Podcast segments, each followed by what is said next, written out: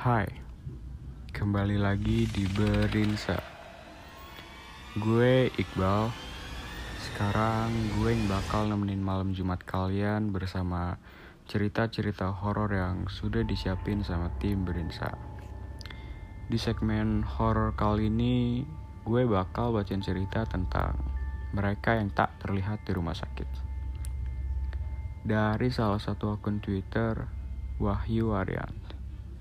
Buat kalian yang gak berani dengerin, jangan dengerin sendirian ya. Mereka yang tak terlihat di rumah sakit, part 8. Bu Fatma, pasien di kamar 3.4 sakit apa? Oh, yang perempuan itu ya? Iya bu, infeksi lambung. Kenapa memangnya? Bu Fatma sudah pernah melihatnya belum? Hmm, belum sih. Kemarin Randy aja yang cerita. Katanya sakitnya karena disantet orang. Ah, yang ada-ada saja kamu Ran. Mana ada yang begituan? Balas Bu Fatma. Ih, serius Bu Fatma? Kakeknya sendiri yang bilang. Kakeknya? Kok tahu kakeknya? Itu yang nungguin dia kan kakeknya, Bu.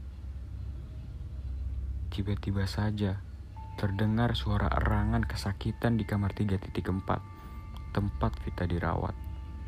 Sontak, Rani dan Bu Fatma buru-buru memeriksanya. Tapi saat sampai di depan pintu kamarnya, Bu Fatma dan Rani terkejut jika pintu kamar perawatan Vita dalam keadaan terkunci. Bu Fatma mengedor-gedor pintu sambil terus mengayunkan daun pintu. Kek, Vita takut. Badanku sakit. Vita takut, kek. Suara itu terdengar lirih dan jelas. Hingga telinga Rani dan Bu Fatma. Bu Fatma, gimana ini? Setelah beberapa lama berusaha dan tidak kunjung membuahkan hasil, Bu Fatma lantas pergi memanggil office boy dan satpam yang berjaga malam itu. Meminta membukakan pintu dengan kunci cadangan mereka. Atau malah mendobrak pintu kamar perawatan Vita. Kamu tunggu dulu di sini. Saya cari bantuan, kata Bu Fatma. Sementara, Rani terus berjaga di depan pintu kamar perawatan Vita. Dari balik pintu, Rani masih jelas mendengar erangan Vita yang semakin kedengaran aneh. Vita, tahan nak. Kakek sedang mengusir mereka. Sakit sekali, kek.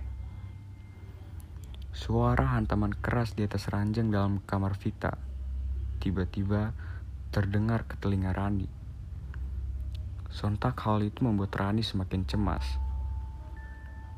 Untungnya Malam itu tidak ada pasien yang menginap berdekatan dengan kamar perawatan Vita. Sehingga Rani dan yang lainnya lebih leluasa saat berusaha membuka pintu kamar perawatan Vita yang terkunci dari dalam. Berkali-kali Rani mencoba melihat keadaan di dalam melalui celah-celah kaca pintu.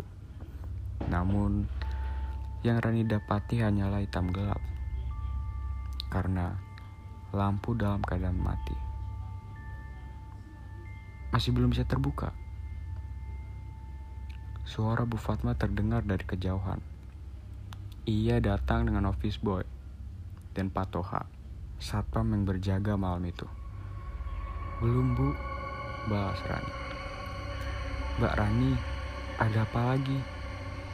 Tanya Patoha. Lagi-lagi mereka berdua bertemu dalam situasi seperti ini. Rangga, office boy bangsal anggrek, datang dengan sekepal kunci cadangan kamar. Ia lantas mencari kunci kamar 3.4. Di antara Rangga yang masih mencari kunci, tiba-tiba suara rangan Vita hilang. Rani dan Bu Fatma semakin panik. Takut jika ada hal yang tidak diinginkan terjadi. Seolah seperti membenarkan firasat Rani dan Bu Fatma Beberapa detik setelah suara teriakan hilang, tiba-tiba suara benturan keras terdengar dari balik pintu. sontak membuat Rani dan yang lainnya terkejut saat menjadarinya. Kejadian ini terjadi sangat cepat, membuat semuanya panik hingga membuat Rangga lama mencari kunci 3.4 yang sebenarnya sudah ada di tandanya di setiap kuncinya. Bisa cepat gak? Gertak Patoha. Terlihat sekali tangan Rangga yang gemetar karena ikut ketakutan. Akhirnya, setelah beberapa saat, Rangga bisa membuka pintu kamar perawatan Vita. Di dalam, suasana gelap dan bau kemenyan yang menusuk menyambut kedatangan Rani dan yang lainnya.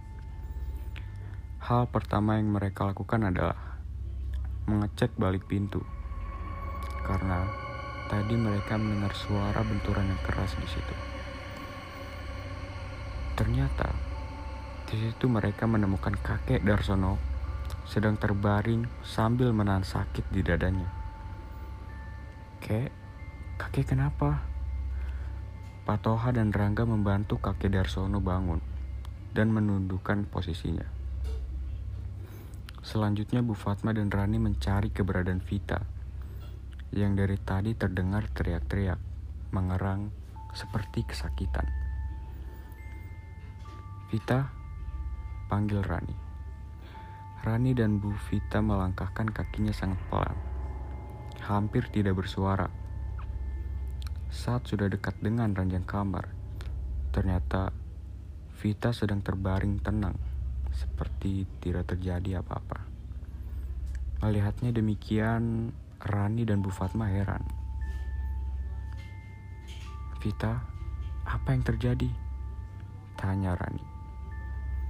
Sementara Bu Fatma memeriksa seluruh tubuh Vita, dari ujung kaki hingga ke kepala. Kamu tidak kenapa-napa, nak. Tambah Bu Fatma.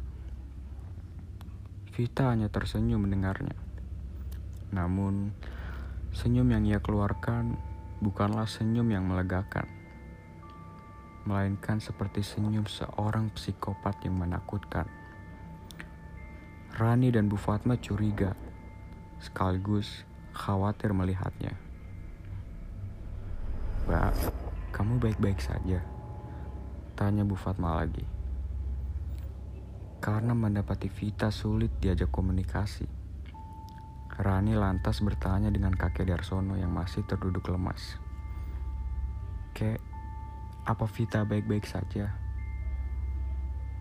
Tidak, dia tidak baik-baik saja, kata kakek. Semua yang mendengarnya semakin bingung.